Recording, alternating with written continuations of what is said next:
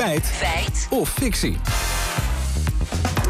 Gaat namelijk over het zetelverlies van de coalitiepartijen vorige week. Ja, we weten het inmiddels. De partijen die hebben heel veel zetels verloren. De VVD, D66, CDA en ChristenUnie gingen er hard op achteruit.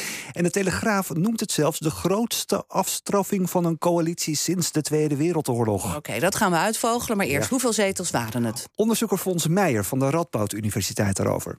In 2021 haalden de vier partijen van Rutte 4 samen 78 zetels. En de uitslag voor zover we die nu kennen uit eh, de prognoses... is dat die partijen nu 41 zetels hebben gehaald. Dus dat is een verlies van 37 zetels. Oké, 37 zetels, dat is best veel. Maar, maar is het ook gebruikelijk? Nou, Simon Otjes zegt van wel. Hij is universitair docent aan de Universiteit Leiden ik wil benadrukken dat coalities altijd verliezen in Nederland. Dat er eigenlijk maar een paar uitzonderingen zijn waarin coalities niet verliezen.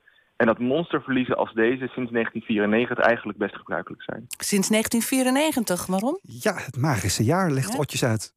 Het is eigenlijk al zo sinds de jaren 90 dat Nederlandse kiezers heel erg volatiel zijn. dus de reden daarvoor is, dat voor 1994, of eigenlijk in de Nederlandse geschiedenis, lange tijd er verzuiling was. Waardoor kiezers gebonden waren aan een bepaalde politieke partij.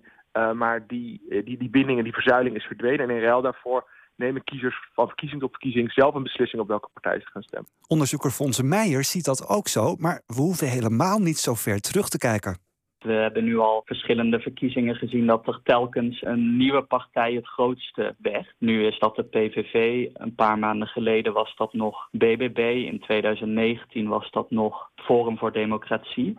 Dus we moeten dat ook zien in de context van een kiezer die veel meer op drift is geraakt dan in de vorige eeuw. Ja, en in een Telegraafartikel vertelt parlementair historicus Bert van der Braak verder dat het bijzonder is dat geen enkele partijleider is opgestapt. Maar dat is wel eens eerder voorgekomen, toch? Absoluut. Fons Meijer vertelt erover.